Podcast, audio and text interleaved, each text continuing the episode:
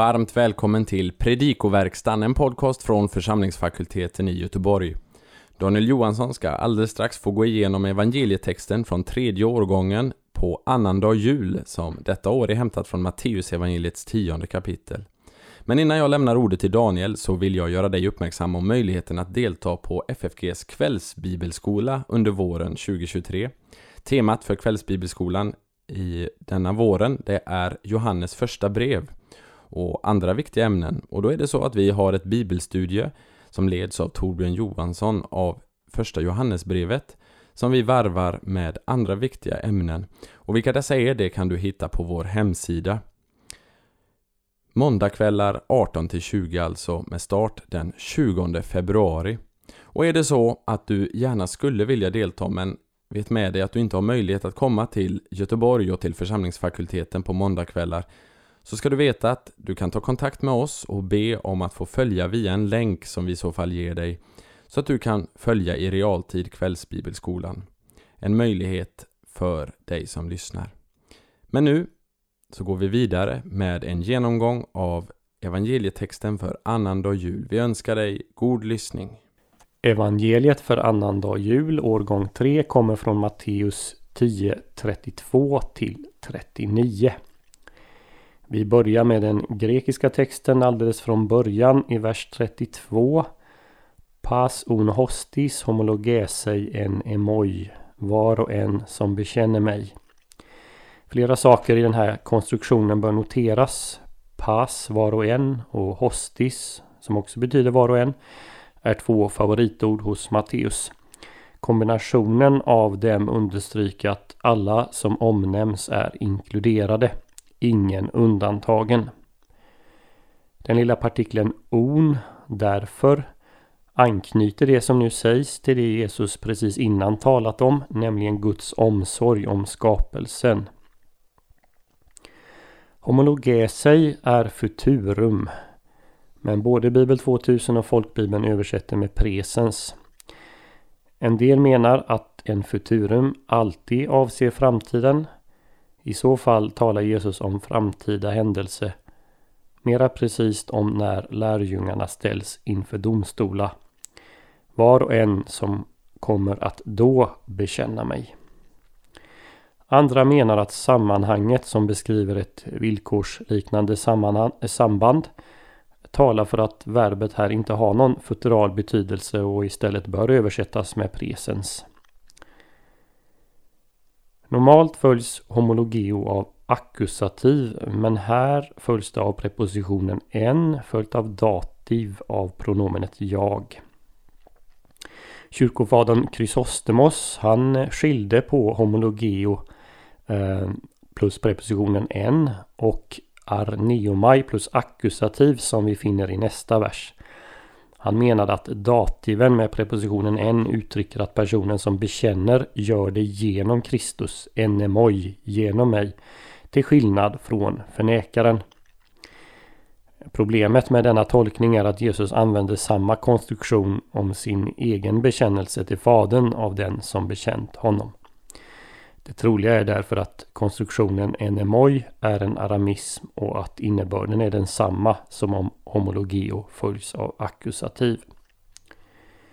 I följande vers, vers 33, stöter vi på verbet eh, arneomai två gånger.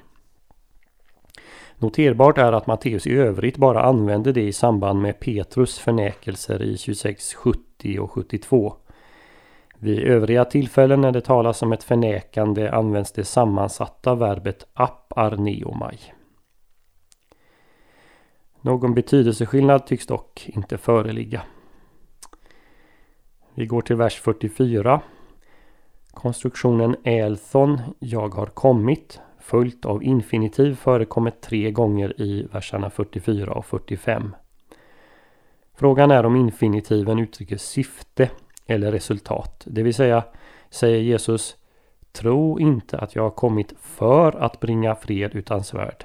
Eller säger han, tro inte att jag har kommit så att det blir fred utan svärd. Folkbibeln översätter den första satsen som att Jesus syfte var att inte bringa fred medan Bibel 2000s översättning är mer öppen för tolkning. Tro inte att jag har kommit med fred till jorden. Med tanke på att syftet med Jesu kommande enligt ängeln i Matteus 1.21 var att frälsa sitt folk från deras synder är det ju mer troligt att konstruktionen här uttrycker eh, resultat än syfte.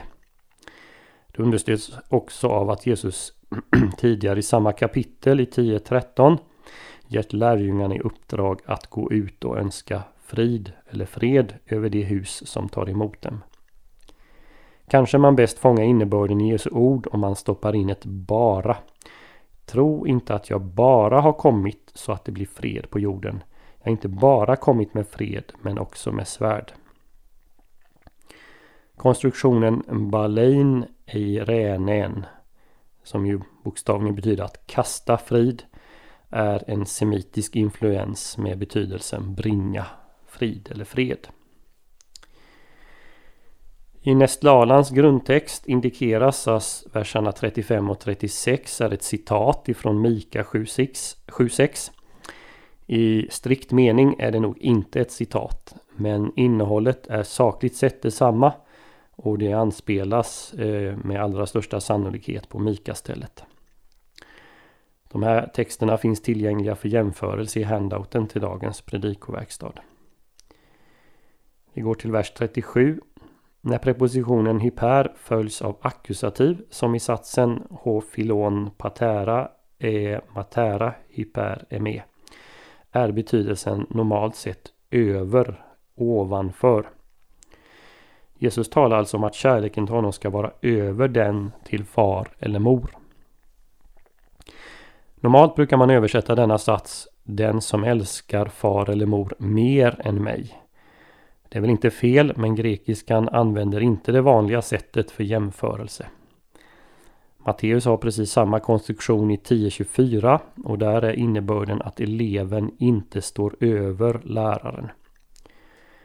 Poängen är i vilket fall att Jesus förväntar kärlek mellan barn och föräldrar men att kärleken till honom står över denna.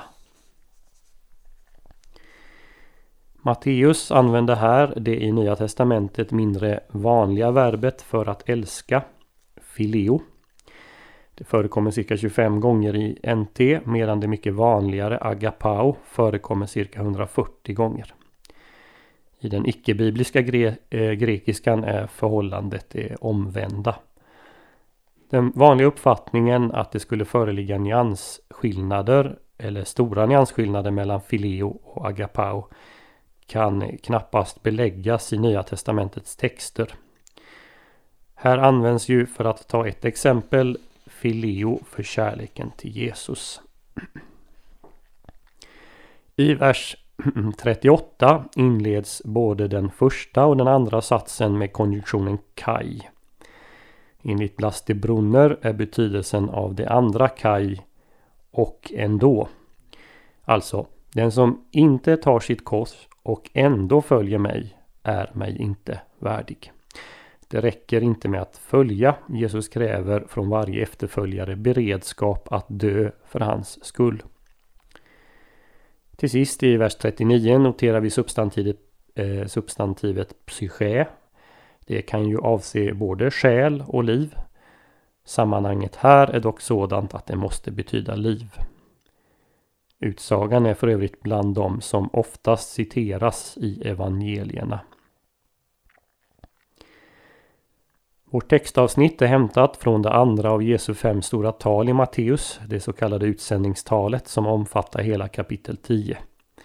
Den första tredjedelen av talet utgörs av instruktioner eh, om vad lärjungarna ska göra när de går ut Eh, med budskapet medan den senare delen i huvudsak varnar för det motstånd och förföljelse som ska uppkomma. Instoppat mellan dessa varningar är dels den himmelske faderns omsorg i verserna 28 till 31, alltså de versar som föregår vår text. Och dels omnämnandet av den lön som de får som tar emot och behandlar lärjungarna väl. Textavsnittet kan delas in i tre delar. Det första handlar om bekännelsen av Jesus, vers 32-33. Eh, det andra om familjesplittringen som kommer till följd av att några tar emot Jesus och andra inte. 34-37. Och det tredje om beredskapen att ge sitt liv för Jesus 38-39. Notera här för övrigt hur vers 37 leder över till vers 38 genom tre exempel på hur man inte är värdig Jesus. Till sist några kommentarer om respektive del. Verbet homologeo avser en offentlig bekännelse av trohet. Jesus avser här nog i första hand den offentliga rättegången som omnämnts tidigare i kapitel 10 i vers 17 20. Men parallellen mellan det Jesus här säger och det som senare sker med Petrus pekar på ett bredare sammanhang där en kristen avkrävs bekännelse. Notera att Matteus använder eh, en identisk konstruktion för Petrus förnekande i 2670 Eh, som här i vers 33. Å ena sidan pekar det här på allvaret i Petrus förnekelse. Det var frågan om ett avfall. Å andra sidan framhävs Jesu övermåttan stora vilja att förlåta även den som avfallit när Petrus får upprättelse. Kopplingen mellan bekännelse eller förnekelse av Jesus här i tiden och utfallet i den yttersta domen är explicit. Notera också den starka kristologiska prägen på bekännelsen, den som bekänner mig. Här finns grunden för de fornkyrkliga bekännelserna som finner sina tidigaste uttryck i till exempel Romarbrevet 10.9 om du därför med din mun bekänner att Jesus är Herren och så vidare. Trots att Kristus kom till jorden för att bringa fred blir det splittring. Jesus förutsäger att bekännelsen till honom ska dela familjer. Det var ju så i antiken att lojaliteten mot familjefadern stod över all annan lojalitet utom den till Gud. Familjen var också det sammanhang som gav den grundläggande sociala tryggheten. Det är svårt att föreställa sig den ensamhet och utsatthet det ledde till. Till exempel för svärdottern som blivit en ny medlem av sin mans hushåll. Om hon kom till tro på Jesus och de övriga inte gjorde det. Bekännelsen till Jesus orsakade säkert många sår och splittringar i judiska familjer. Men kanske det blev ännu svårare i grekisk-romerska. Den som tog avstånd från de hedniska gudarna blev tvungen att också avstå från dryckesoffret till husgudarna eller förfäderna eller processionen för att hedra stadens skyddsgud. Men Jesus är kompromisslös här. Kärleken till honom står över den till familjemedlemmarna. När Jesus talar om beredskapen att ta upp sitt kors och följa honom är det inte bara en bild för att våga bära lidande för hans skull. Han avsåg den grymma realiteten under det första århundradet att man riskerade dödsstraff och avrättning på ett kors. Här finns helt klart ett imitatio Christi motiv. Hans lärjungar måste vara beredda att dö som en konsekvens av bekännelsen till honom. Det är också därför han försäkrar att den som förlorar sitt liv för hans skull vinner livet. Det vill säga liv både här och nu i tiden och i evigheten. Vi hoppas att denna genomgång får bli till hjälp och välsignelse för dig som har lyssnat. På vår hemsida www.ffg.se kan du hitta information om hur du kan stödja fakultetens arbete, som till exempel den här podcasten. Ett sätt att stödja är att skänka en gåva genom Swish. Församlingsfakultetens Swish-nummer är 123 100 84 57. Alltså 123 100 84 57. Mottagaren som anges är Peter Isak Bens utbildningsstiftelse. Märk gärna gåvan FFG Podcast om du vill stötta just denna podden. Så önskar vi allt gott och Guds välsignelse.